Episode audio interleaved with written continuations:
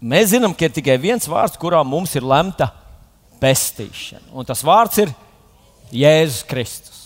Viņš ir reāli vēsturiski figūra, un viņš ir uh, Dievs un cilvēks reizē. Viņš bija Dievs un cilvēks reizē.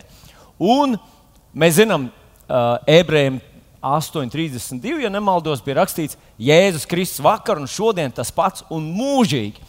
Un tas nozīmē, ka arī šodien Jēzus ir cilvēks. Tas, kas stāv, sēž pie Dieva labās rokas un mūs aizstāv, ir tas, kurš bija līdzīgs mums un ir sagrab, saglabājis šo līdzību, reprezentē mūs tur, un viņš ir tas, kurš nopirka mums glābšanu.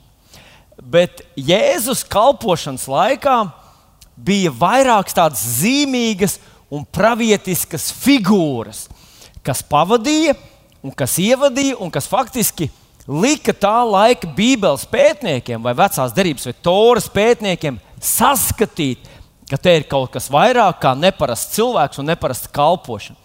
Tie bija uh, vārdi vai notikumi, kas tika pravietoti, aprakstīti detaļās, ilgi pirms tie patiešām notika.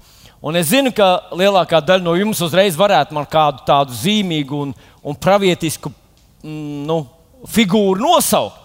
Jūs varat kādu nosaukt? Jānis Kristītājs. Jā, viņš ir tas, kurš nāca Elīzes garā. Un, un pravietis rakstīja, ka Elīja nāks pirms tam.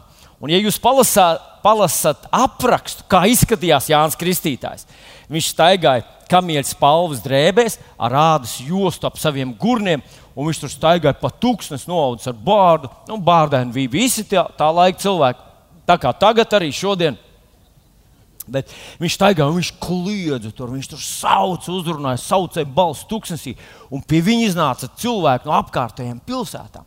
Viņš nevis gāja uz pilsētu pie cilvēkiem, bet pil cilvēki nāca pie viņa. Un viņš viņus kristīja. Un, kad mēs lasām par Eliju, tur kādā vietiņā ķēniņš sūtīja savus sūtņus, un viņš satika Eliju, nepazina viņu. Tad viņš jautā, kāds viņš izskatījās, tas cilvēks, ko jūs satikāt. Un tad viņš saka, viņam bija spalvains drēbes un ādas josta ap gurniem. No, tieši tāpat Tieši tāds pats izskatījās Jānis Kristītājs un arī pravietis Elija. Bet varbūt vēl kādu varat nu, nosaukt kādu tādu zīmīgu un pravietisku personāžu. Izklausies Jēzus. Ja? Ja, ne, es par Jēzus kalpošanu runāju, bet kā, Jēzus, protams, pats arī bija, jā, bez šaubām. Jā.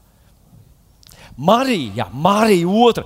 Nu, mēs neiedziļināsimies daudz šajā, jo tur bija vairākas tādas nianses un vairāk cilvēku. Ka, kas bija tā tādi nopravietot un kas piepildījās to, ko viņi lasīja, simtiem gadu lasīja savā grāmatā. Un bum! Tas notiek viņa acu priekšā. Un tā bija Marija, kas bija jaunava. Viņa vēl nebija apprecējusies, un tajā laikā tas bija pavisam savādāk nekā mūsu laikos. Tu nebiji apprecējies, tad tā, un, un tu paliki stāvoklī. Tā, tas bija nāves sots. Viss akmeņiem nomētāts. Tas tur, ne, nu, vārds. Un šādā situācijā, divdomīgā situācijā, Dievs nostādīja Mariju un uzrunāja Jāzepu. Saka, nebaidies savu sievu ņemt pie sevis, jo tas, kas viņai ir iedzimis, ir no svētā gara. Un Marija pati to uh, stāstīja, liecināja, un tad mēs zinām, tur, tur vēl, mēs varētu vēl visādus personāžus minēt. Bet šodien man gribētos ar jums paskatīties uz kādu vēl kādu ļoti zīmīgu personāžu.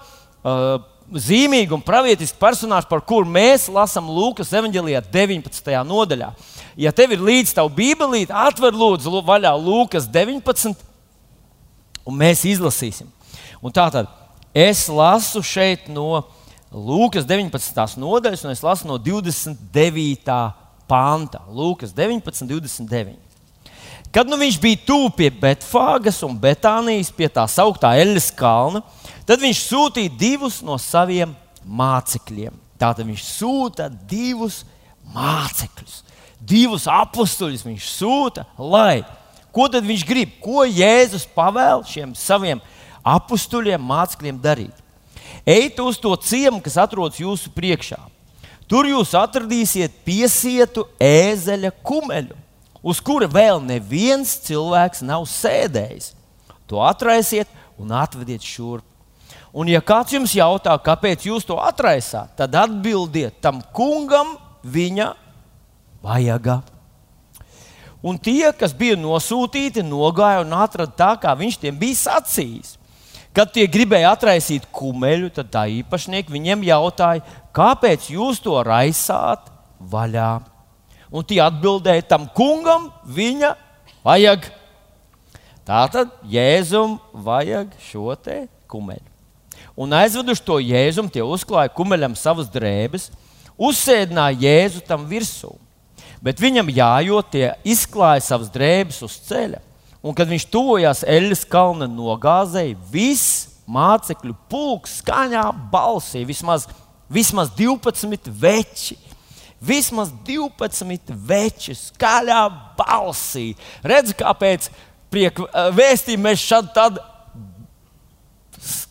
negribēju teikt bļaujam, bet skaļā balsī, halleluja! Ko, kāpēc viņi teica, aleluja, skaļā balsī? Jo viņi priecīgi sāka slavēt Dievu par visiem brīnuma darbiem, kurus tie bija redzējuši. Zinat, ko? Šis ir tuvu pie Jēzus kalpošanas finiša jau. Šis notikums. Un mācekļi jau bija apmācīti pietiekami. Un, ziniet, manuprāt, viena no lietām, ko viņi bija iemācījušies no Jēzus, un ko Jēzus acīm redzot, bija viņiem mācījis, bija, ka tu slavē Dievu, tu slavē viņu skaļā balsī. Mēs jau varam teikt, man dvēseli kliedz. Nu, vai jūs dzirdat, kā man dvēseli kliedz? Nu, nu var, kādreiz tā ir. Kādreiz ir tāds brīdis, kad tu nevari to laist uz ārā. Bet tad veseli sajūsmā, viņa visa vibrē. Tu, tu centies to noslēpt, centies izlikties vienaldzīgs. Tā kādreiz ir.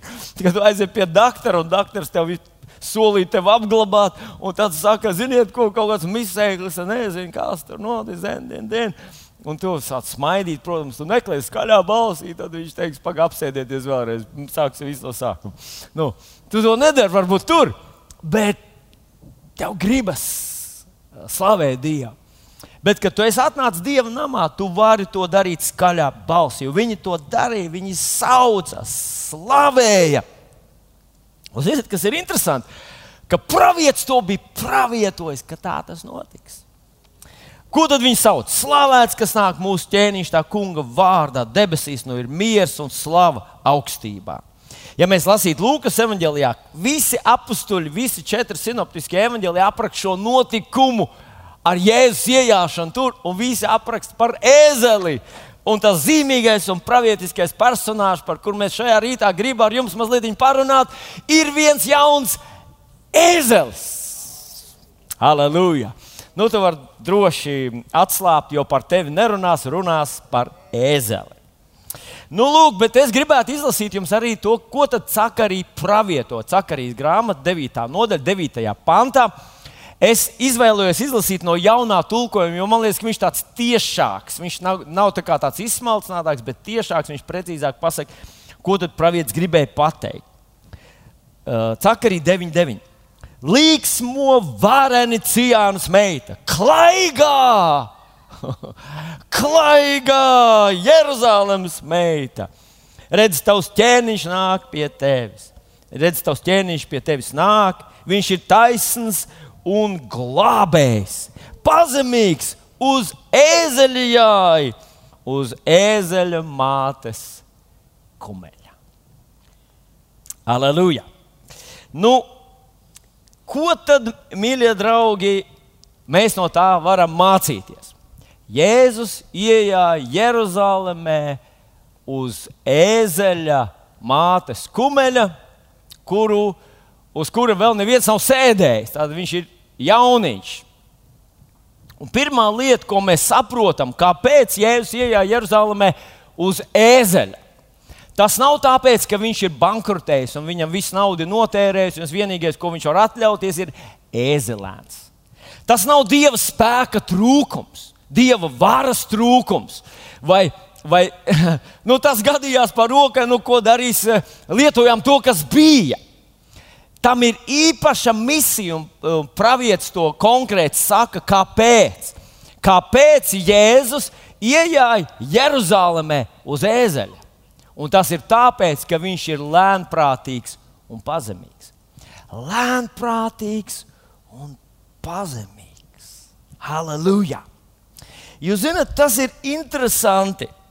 Es nezinu, vai jūs man piekritīsiet vai nē, bet mana personīgā pieredze ir tāda, ka kad vien tu gribi runāt šo evaņģēliju, tu gribi stāstīt par Jēzu Kristu, tas nekad nestrādā un neizdodas tad, ja tu no kāda runā uz augšu. Tu kā cilvēks, kurš zina, tad kā, nu kādreiz, kādreiz jūs aiziet uz skolu, jūs esat pedagogs, un jums ir tādi, tādi, nu, tādi tie skolnieki ir tādi, kādi ir un tā tālāk. Jūs varbūt varat geometriju mācīt no pozīcijas, es esmu gudrs, jūs dum, dumiķi. Es visu zinu, jūs neko nesaprotat. Es varu jums iemācīt, ja vien jūs dumiķi mācīsieties. Bet ar evanģēliju tas nav iespējams. Ar evanģēliju ir pat, ja tu esi, tu esi karalis, un tu gribi savam, nu labi, karalis varbūt ir pārspīlēts, bet pat, ja tu esi uzņēmējs, un tu gribi ar evanģēliju padalīties savam darbiniekam, kaut kā tā situācija veidosies tā, ka tu nāksi tā kā, tā kā no apakšas. Tas nav tāpēc, ka tev kāds trūkums. Tas nav tāpēc, ka tu esi nepilnvērtīgs, ne, nepietiekami gudrs, nepietiekami attīstīts, nepietiekami erudīts. Bet tāda ir bijusi Dieva grība, lai evaņģēlijas lai katrs cilvēks, kurš dzirdētu evaņģēlīju, sajustu, ka Dievs milzīgā lēmprātībā un pazemībā piedāvā savu mīlestību. Un cilvēks būtu varējis izdarīt brīvu izvēli. Mēs visi esam lasījuši vēsturē kādus notikumus, kad kāds liels impērijas karalis izdomā, ka mēs tagad kristīsimies, visa mana valsts kristīsies, un mēs būsim kristīga valsts turpmāk. Nu, to karaļi ir darījuši. Ir piedraudējuši savai nu, ar, ar nāves sodu, vai ar izsūtīšanu, vai ar, ar, ar nodokļiem cilvēkiem, kas to nepieņem. Bet tas nekad nav bijis Jēzus princips un nekad nav bijis Dieva evaņģēlīja princips.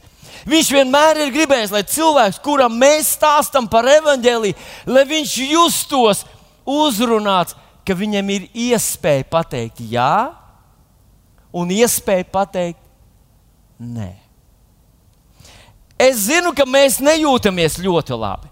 Mums cilvēkiem mums patīk tomēr nu, nu, no tādām nu, kā, no sasnieguma pozīcijām. Mēs gribam justies nu, kā, vismaz, vismaz adekvāti, vismaz, vismaz nu, vienlīdzīgi. Tad mēs varam runāt. Bet kad tu sāc runāt par evaņģēliju, tad pasaulē tas kaut kā nu, vienmēr, nu, piedodiet, ja jums ir cita pieredze. Bet manuprāt, vienmēr tas tā ir, ka Jēzus sevi prezentē kā lēnprātīgu un pacietīgu. Un es iedomājos, ja Dievam būtu vienalga, kāpēc cilvēki pieņem Jēzu par savu glābēju. Ja Dieva vienīgais nodoms būtu, lai visi, visi pēc kārtas, visi pieņem jēzu par savu kungu un tiek glābti. Viņam vajadzētu sūtīt eņģeli, kura, kuram, ziniet, zibeņa aiz muguras. Ar atvērstu zobenu, eņģelis. Nu, mēs zinām, eņģelis parādījās uh, Zaulam, Pāvilam uz, uz tā Damaskas ceļa. Parādījās eņģelis tādā spožumā, ka zauls aps, uh, palika akls. Bet tas nebija veids, kā Jēzus evanģelizēja. Tas bija pilnīgi cits gadījums, īpaši unikāls gadījums. Es ticu, ka Zauls pirms tam tūkstošiem reižu sajūta savas sirdsapziņas kaut kādu nemieru. Un tūkstošām reižu bija saucis uz debesīm, Dievs, ja es daru nepareizi, ja tas, ko es daru, ja tas ir fanātisms, ja tas ir aplam, palīdz man to saprast. Un beig beigās Dievs viņam palīdzēja to saprast. Un viņš tur apgriezās pa 180 grādiem, un viņš bija gatavs atdot savu dzīvi par to, kas viņam tur atklājās uz tā Damaskas ceļa. Bet normāli, normāli ir tā, ka Jēzus nāk pie cilvēka, pie jauna un ne tik jauna, un saka viņam, šī ir mana mīlestība. Šis ir mans glābšanas ceļš.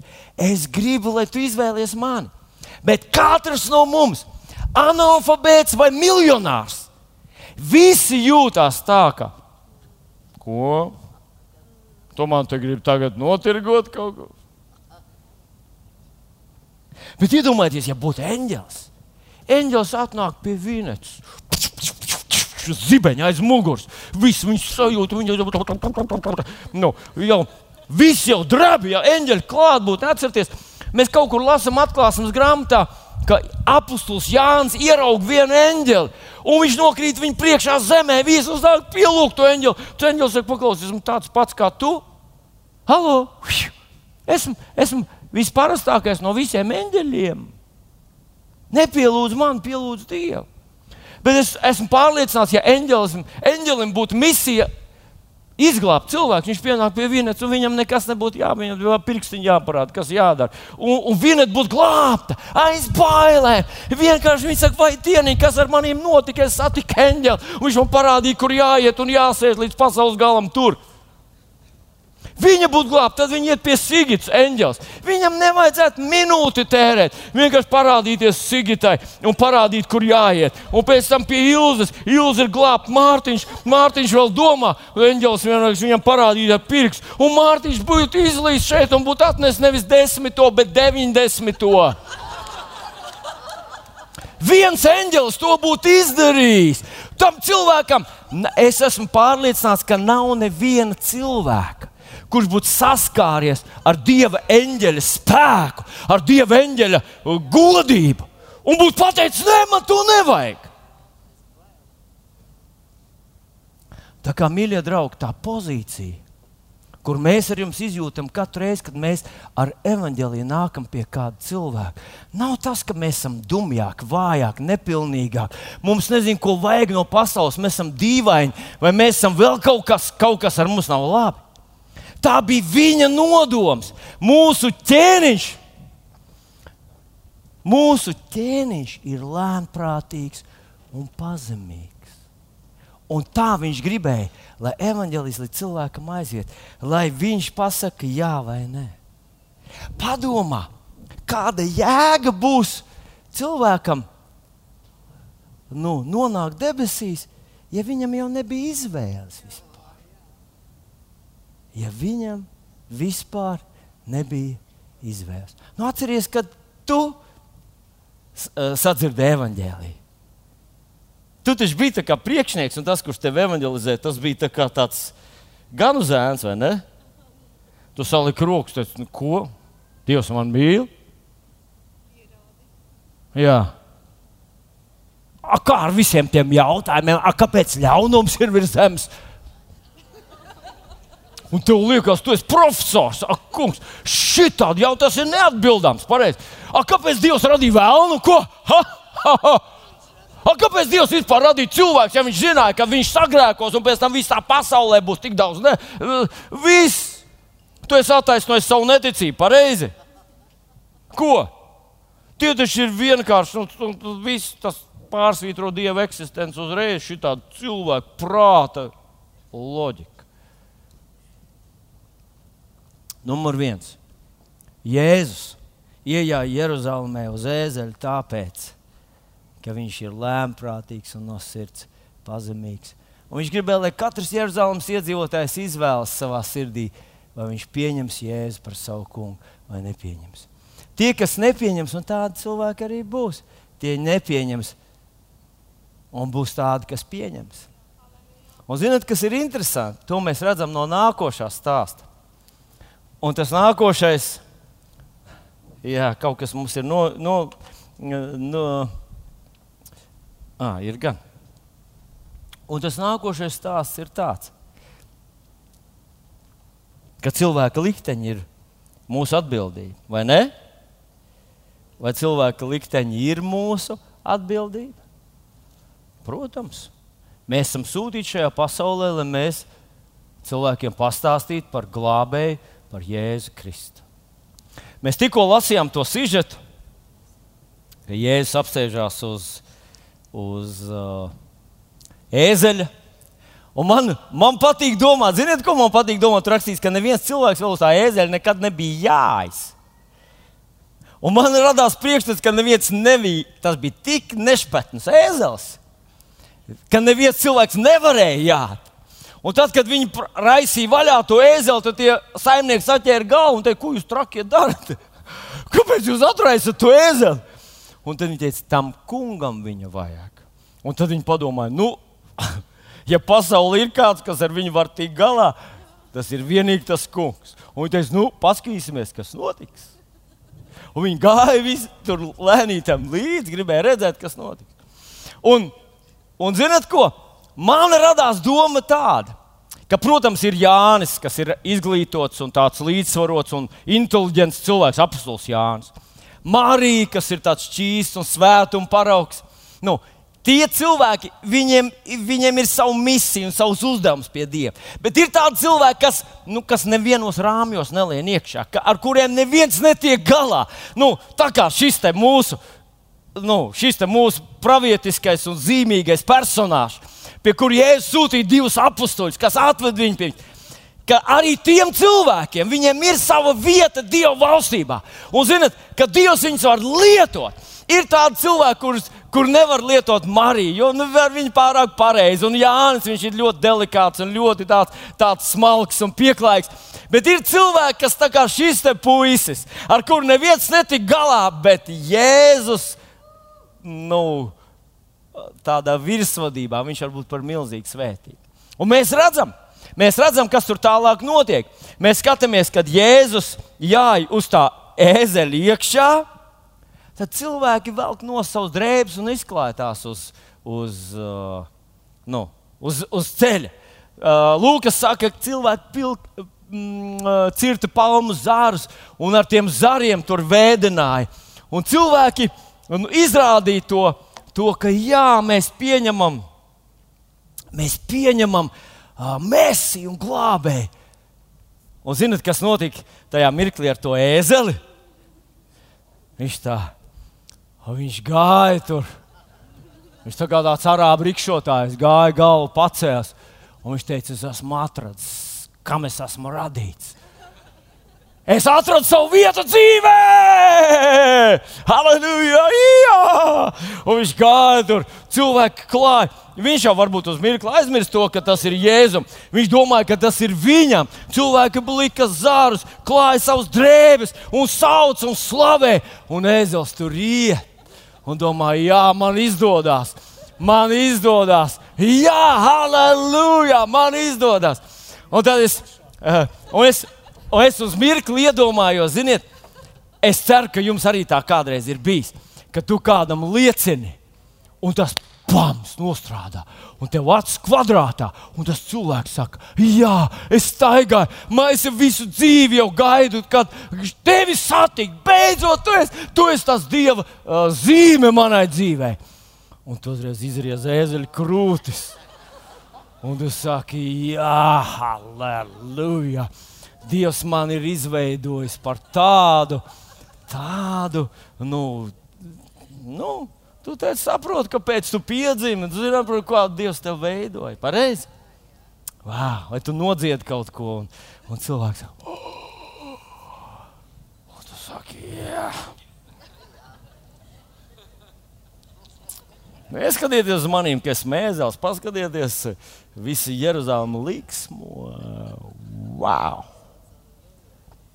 Bet tad notiek Tur interesanti, jūs to pašu nodaļu palasīsiet iepriekš. Tur rakstīts, ka augstie priesteri un varizē izlēma nogalināt ne tikai Jēzu, bet arī Lācaru.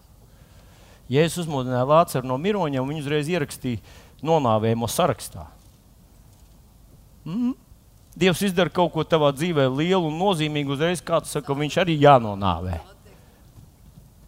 Un, zinot, bija cilvēki, kas bija opozīcijā Jēzum. Par, vi, par spīti tam, ka kāds priecājās, bija kādi, kas teica, nē. Un es pie sevis tā iedomājos, interesanti, kā to izjuta ēzelis. Ko ēzelis domāja? Un es varu iedomāties, ka ēzelis palika ļoti bēdīgs.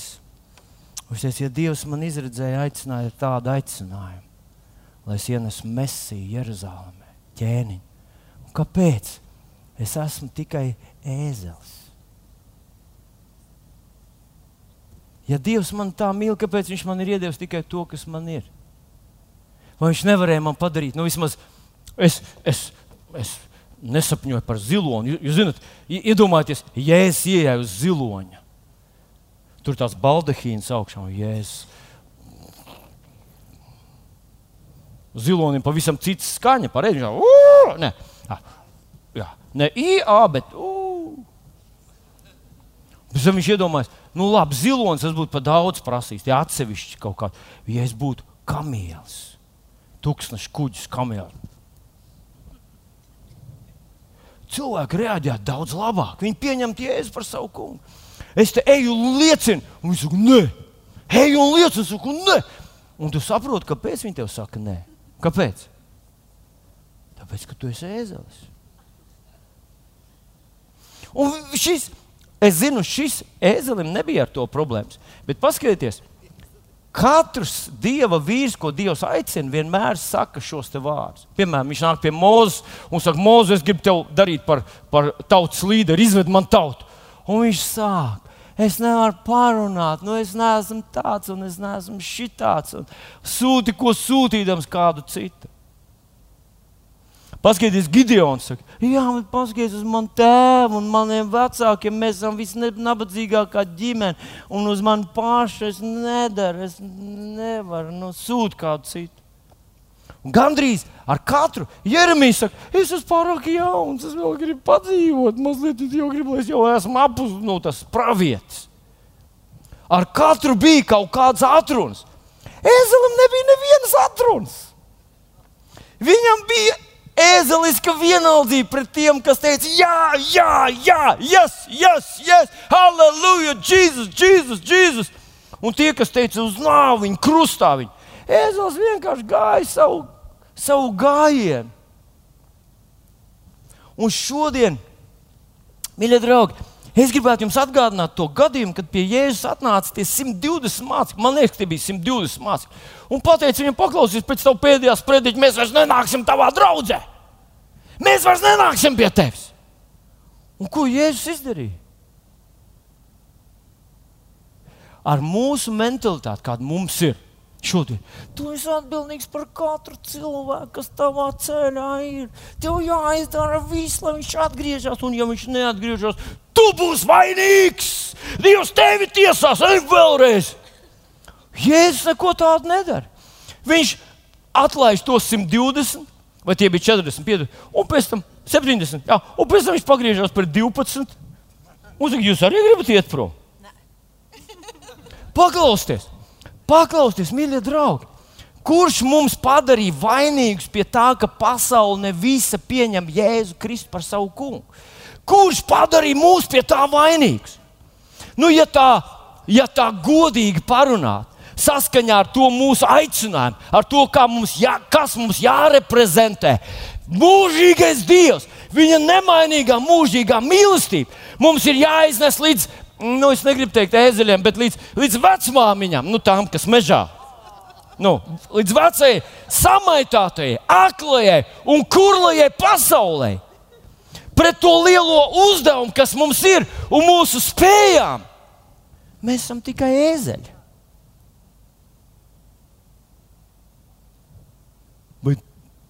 Man izskatās, jūs man skatāties, vai tu man tikko nosauc par ēzeli? Nē, nē, nē. Es tevi nenosaucu par ēdzi, es zinu, ka tu esi talantīgs un tā tālāk. Bet es runāju par to, pret to vēsti, kas Dievam ir priekš tā vienkāršā cilvēka. Un mūsu spējām to visu varenību, un godību un mīlestību tiešām nodot, tas ir nepietiekams un nožēlojams. Kāpēc Dievs? Kāpēc Dievs izvēlējās par evaņģēlistiem mūs ar tevi?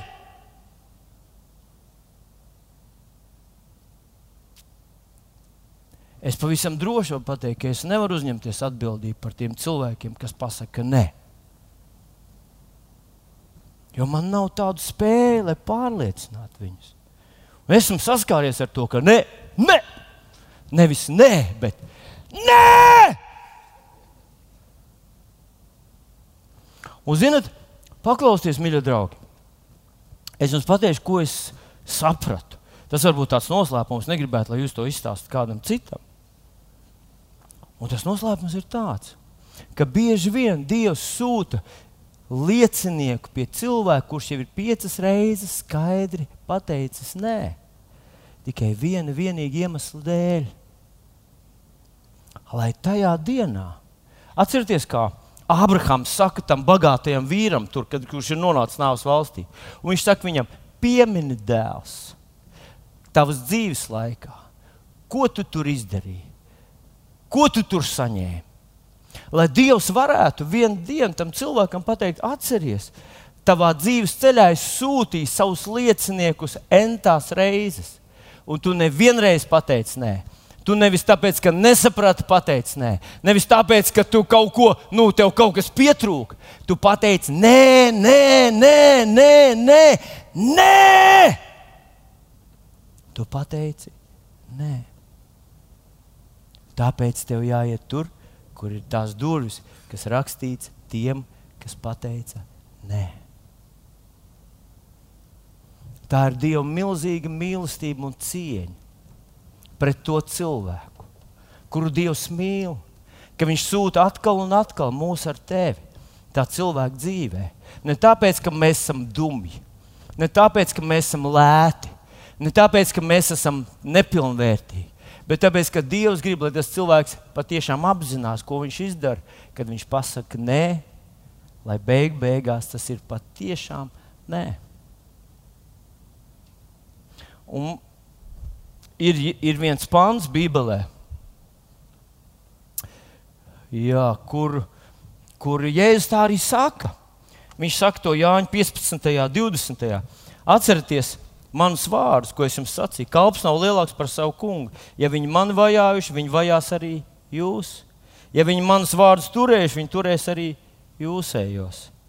Bet to visu viņi jums darīs tāpēc, ka viņi nepazīst ne mani, ne to, kas man ir sūtījis. Tātad bija tie cilvēki, kas pieņēma Jēzu viņa dzīves laikā. Un bija cilvēki, kas dzīves laikā viņu redzot, dzirdot, redzot brīnum zīmes, kuras Jēzus darīja, viņam pateica nē. Un šodien tādi cilvēki būs. Viņi būs tuvu un tālu, tavu radu starpā. Viņi būs darba vietā, viņi būs skolā. Bet Dievs viņus tik ļoti mīl un tik ļoti ciena, ka Dievs ļauj viņiem šo nē pateikt konkrēti vēlreiz, pārdomāt, vēlreiz pateikt. Nē. Pār... Dievs gribētu viņus glābt, bet cilvēkam ir tiesības arī pateikt Nē. Un arī pārdomāt, jā. Ko no tā visa mēs varētu, uh, ko es gribētu, un man liekas, ka es to esmu no savā sirdī pieņēmis. Man gribētos teikt, ka mums vajadzētu pieņemt šo savu misiju un pieņemt arī sevi. Pieņemt to, pieņemt ka ne mūsu vainas dēļ cilvēks saka nē, Jēzu. Pieņem to, ka ir kāds cits apstākļus, ir kāda cita cilvēka iemesla, kāpēc viņš nepieņem glābēju un kungu Jēzu Kristu. Ka tas tā notiks un to pieņemt un pieņemt to, ka ir cilvēki, kas teiks, jā, un tas nav mūsu nopelns. Tā nav mūsu perfektā evanģelizācija, vai mūsu perfektais nu, vēstījums, vai kaut kā savādāk, vai mūsu labā pozīcija, izskats, vai kaut kas cits. Ka viņš pieņem to, kuru, nu, kur mēs viņam reprezentējam, Jēzu Kristu, un darījām to ar cilvēciskiem ierobežojumiem un vājumiem. Un rakstu vietiņa, kur man ļoti gribētos ar jums padalīties, ir no 1. Timoteja vēstules 6. 1. vēstules Timotejam 6. nodaļas 6. pāns, kur apelsīns Pāvils saka tādus vārdus. Patiesi lielu ieguvumu dod dievbijība. Uh, mūsu revidētais uh, teksts ir ielicis vārdiņu pieticība. Es atļāvos pārtulkot, un tāpēc ieliku to kursīvā ar apmierinātību. Dievbijība ar apmierinātību. Ar apmierinātību. Protams, dievbijība pat par sevi būtu milzīgs iegūms, un es šodien gribētu uh, ieteikt tādu versiju šim vārdiņam, dievbijība. Ka dievbijība tas būtu būt tādam, kāds Dievs ir. Ne jau, ne jau nu, ieņemt Dievu vietu, bet līdzināties viņam, respektēt Dievu. Respektēt Dievu, ja tu respektēsi Dievu, tu, viņš tev padarīs par tādu, kāds viņš ir. Un nav, es nevaru iedomāties Dievu, kurš nebūtu apmierināts. Dievu ar to vienalga kāda nebūtu situācija, cik liels nebūtu uzbrukums, cik arī liels nebūtu ienaidnieks un draudīgs, viņš vienmēr ir apmierināts. Dievs ir apmierināts, un tāpēc gribētu teikt, ka tas ir ieguvums. Un tas vārdiņš, ieguvums šeit, viņš ir tā kā vārdiņš, kur mēs varētu attiecināt uz bagātību. Patiesu lielu bagātību dod dievbijība kopā ar apmierinājumu, ar, ar šo spēju būt apmierinātam. Un Pāvils šo neieguva automātiski. Tas nenotiek no tā, ka tu vienkārši atnāc un pasēdēji vienā dievkalpojumā. Filipiešiem 4. nodaļā, 11. pantā, viņš saka, ka viņš ir mācījies. Mācīja, viņš ir iemācījies būt apmierināts. Viņš ir iemācījies būt apmierināts visās situācijās. Viņš saka, brīžiem esmu bagātībā, brīžiem esmu trūkumā, brīžiem esmu augstumā, brīžiem esmu siltumā. Brīžiem manā dzīvē mainās visi notikumi, bet es esmu iemācījies būt apmierināts.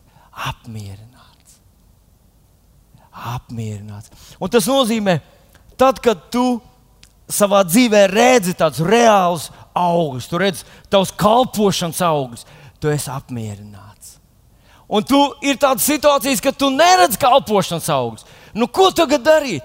Protams, tu nopietni uztver savu kalpošanu centies to darīt no visas sirds. Tu lieto savu ticību, un tomēr tas ir tā kā būt apmierinātam arī tādā situācijā. Tev ir nu, kaut kāds materiālais stāvoklis, ir labs, un tu esi apmierināts tajā. Bet tad tu to vari pazaudēt, un tu atkal vēl aizvien esi apmierināts. Un es gribētu teikt, ka materiālās bagātības un veiksmi dzīvē, viņa nevar dot tev apmierinājumu. Tā nav īsta bagātība. Bagātība ir tas, kas notiek tavā dvēselē, tad, kad tā viss nav. Un es jums um, gribētu nodemonstrēt, Mārtiņa, es varu tevi palūgt, uznākt augšā. Nodemonstrēt uh, apstuļu Pāvila dzīvi, ko viņš mums arī šeit, varbūt tepat uz kāpnēm nostājas. Šis būtu apstuļs Pāvils. Un viņš saka, ka vienu dienu es esmu bagātībā, otru dienu esmu trūkumā. Šeit ir divas lietiņas, pavisam, ko es ātrumā izdomāju no manas. No manas oficiālā paņēma. Šis būtu varas simbols par visu pasauli. Ziniet, kā ķēniņi tur. Viņiem ir ābols un tāds uh, zīles. Un šis ir. Tātad Pāvils saka, vienu dienu es esmu, man ir viss. Nākošajā dienā man to visu atņem nost. Viņš, starp citu, te Filipiešu 4, 4 ne, piedodiet, viņš iepriekšējā rakstījumā viņš saka, uh, mēs neko neienesam šai pasaulē un neko neiznesam ārā. Un tāpēc viņš saka, ir svarīgi, ka mēs esam apmierināti, vai mums tās lietas ir vai nav. Tātad viņam atkal iedod tās lietas, atkal viņš ir apmierināts, un viņam atkal tās atņem. Opā, viņam atkal to vairs nav. Precīzi tā kā dzīvē notiek. Ied, ied, paldies! Turēs šitā, vai tieniņa, redz, kā Ķīnā viss ir ražots. Tas bagātības šķīst ārā uz, uz sitienu. Un tad viņam atkal to iedod. Tev atkal tas ir. Un tad atkal tās nav. Un tad atkal tās ir. Jūs zināt, viņš būtu dziļi nelaimīgs cilvēks. Ja viņš katru reizi iegrimt uz mēnešiem, nu, depresijā un sāpēs. Dievs, kāpēc tā ir? Tā, tā nav bagātība. Tā nav bagātība, ja viss tavs labsajūta ir, ja tu esi sasniedzis visu to, ko tu gribēji savā dzīvē. Jo nākošajā mirklī tev tā vairs nebūs. Un kā mēs visi zinām, beigās nekā no tā vairs nebūs. Ja tas mūs padara laimīgus, tad mēs aizējām no šīs pasaules nelaimīgi visi prom. Paldies, Mārtiņ! Par šobrīd man ir visas šīs brīnišķīgās lietas. Tu esi kalpotājs, tev sanāk. Visi izklāja savus drēbes tavā priekšā. Un tu saki, kungs, tev ir tā paveicies, ka tu mani dabūji. Es esmu ēzelis, uz kuru vēl neviens nav jājis. Tu esi pirmais. Kā tev ir paveicies? Un augšējā mirklī nekā no tā nav. Un es runāju, es nerunāju par gadiem. Tu domā, o, pēc 50 gadiem. Nē, tas var notikt ļoti ātri. Vienkārši, vienkārši.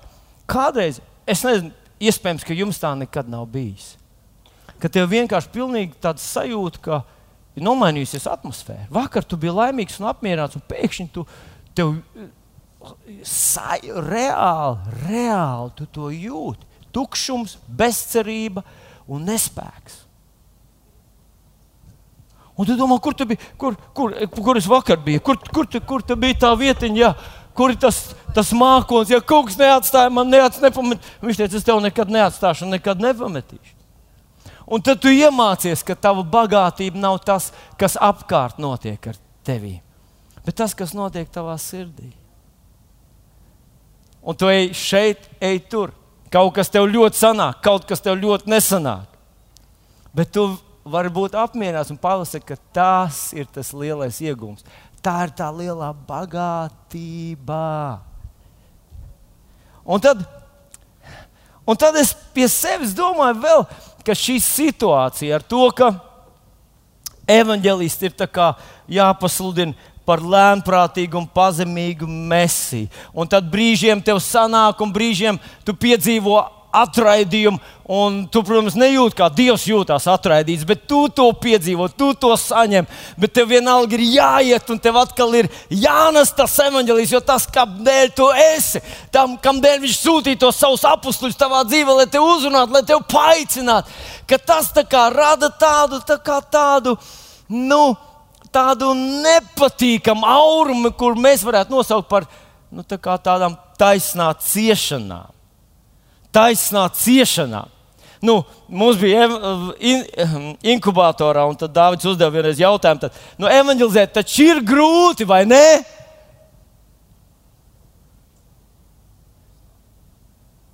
Ko? Sākt, jā, Mārtiņš pareizi saka, īpaši iesākt ir grūti. Īpaši, kad tu ej kaut kur un pēkšņi sajūti, ka svētais gars tev saka, hei, reku tas cilvēks. Un domā, nomai. Tev bez visām tām ikdienišķām cilvēku problēmām, tev vēl vajag rekurs šitais cilvēks. Tur. Visiem ir dzīve, viņi ar to knapi pie galā. Man vēl ir jāglābj pasaule. Vai tas ir viegli? Tas nav viegli. Cilvēcis tas nav viegli.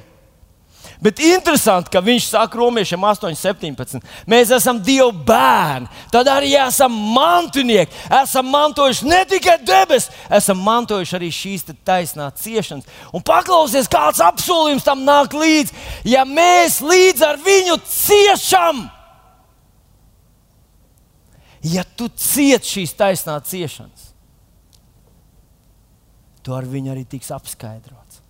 2. Timotejam, 2. nodaļa, 11. pāns. Viņš saka, ja mēs līdzi, ja mēs pastāvam tajās ciešanās, mēs līdzi valdīsim. Tajā mirklī, kad tu kaut ko aizliec sev, kad tu kaut kur esi ierobežots, kad kaut kas tev, tavā ēzeļa dzīvē, piedodiet, es, tas tikai ir tikai tāda nu, tā filozofisks izteiciens. Tu kaut kur tev jāiet, un tevi nepieņem, un tā tālāk tu nejūties ērti. Tu gribētu būt tur, kur pārējie ēzeļi, bet nē, tev jāiet te, un tev vēl saklāja drēbes visu virsmu, tā jau bija karsts. Un tā tālāk. Tajā mirklī, kad tu cieti šīs taisnās ciešanas, tev pienākās vara un valdīt. Tas ir tāds milzīgs apsolījums. Ja mēs pastāvam ciešanās, mēs valdīsim. Ja mēs esam mantinieki, mēs līdz ar viņu ciešam, mēs līdz ar viņu tiksim pagodināti. Par ko gan? Par ko gan? tu būtu pagodināts, būtu vērts tikt pagodināts. Par ko gan Dievs, lai pievērstu tev uzmanību, ja tu dzīvoji tāpat kā visi, rīkojies kā visi, darīji kā ērtāk, dzīvoji kā vieglāk? Par ko gan? Un tāpēc šodien mums ir šī brīnišķīgā iespēja Mīļais draugs, tu nezini, vai tev būs rītdiena, tev ir tikai šodien. Vienīgais laiks, kas mums pieder, tas ir šodiena, šīs brīdis. Un viņš teica, es tevi mīlu, tu esi mans māceklis, es tev paskaidroju savu gribu, un es esmu tevi sūtījis šajā pasaulē kā savu bērnu.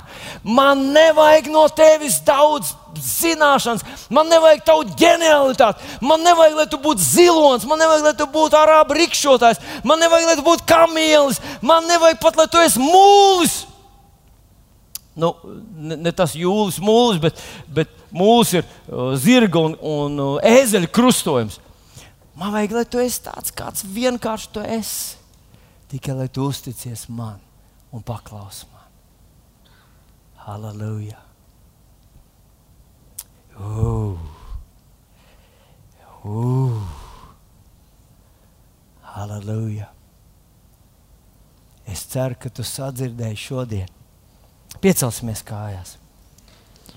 Es ļoti ceru, ka šodien tu sadzirdēji, ka vienalga, kāds tu arī nēsi, ka Dievam tevi vajag.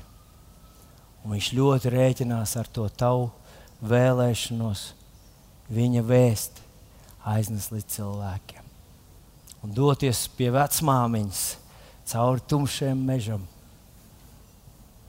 riskējot ar savu nērtību, riskējot ar savu, savu, savām interesēm, viņa dēļ. Kaut ko paciest viņa dēļ. Wow! Uh!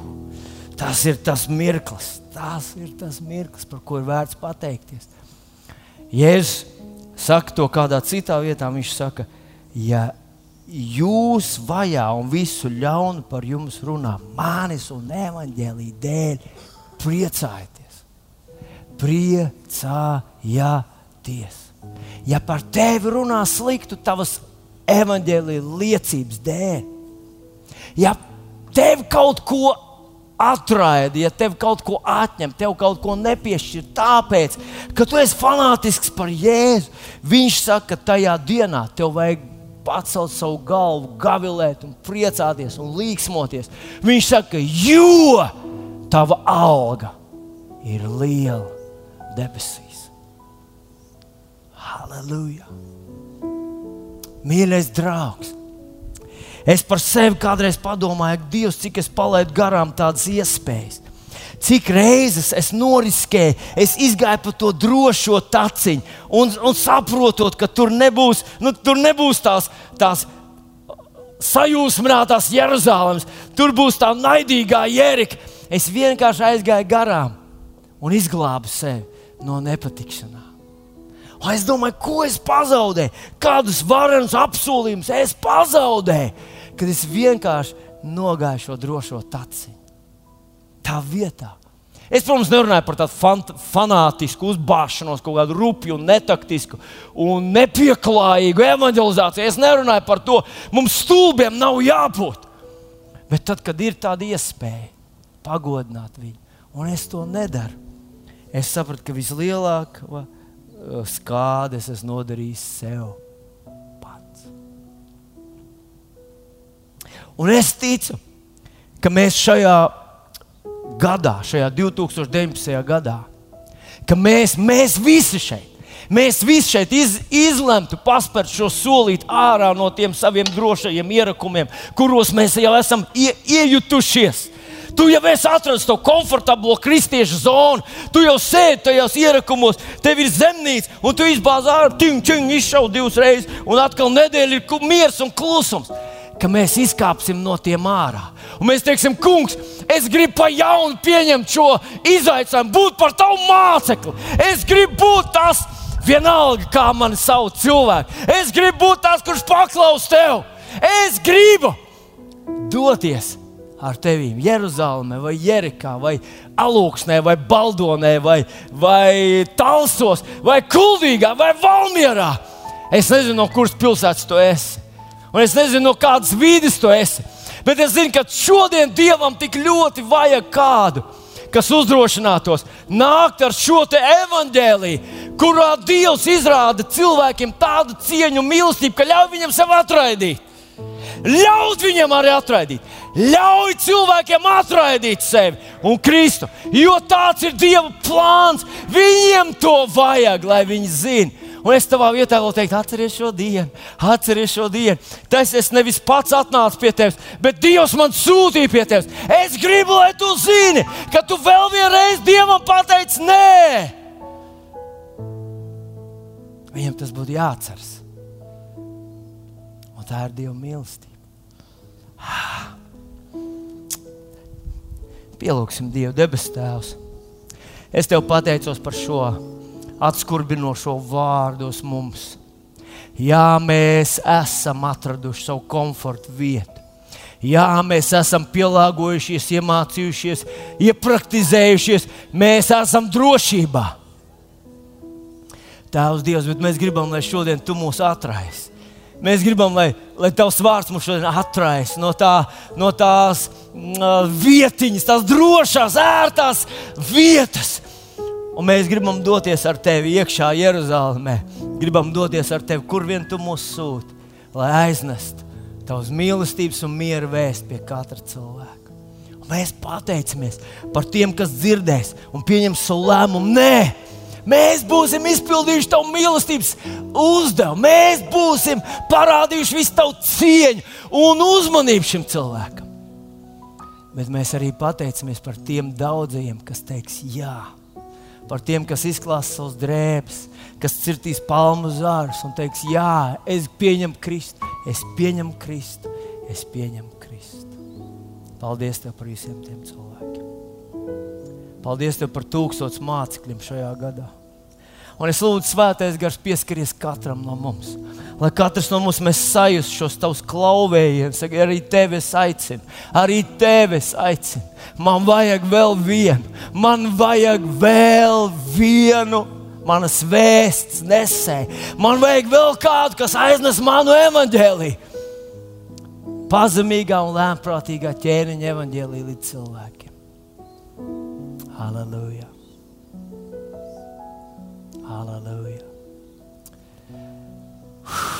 Hallelujah. Hallelujah. Hallelujah. Kungs, mēs te esam šeit. Tava draudz. Tu mūs nosauc savā vārdā. Mēs esam tie, kas esam nolikt šajā pilsētā. Tu par mums teici, ka mēs esam tavas pestīšanas nesēji līdz pasaules galam. Tu par mums teici, ka tu mūs esi darījis par pestīšanas nesējiem ārpus Rīgas, ārpus Latvijas. Mēs tie esam. Paldies, tev mēs pieņemam šo svaidījumu. Pasaki līdzi ar mani. Mēs pieņemam šo misijas svaidījumu. Jēzus vārdā. Ja paldies tev, ka mēs varam aiznest tavu evaņģēlīju vēl tālāk. Hallelujah.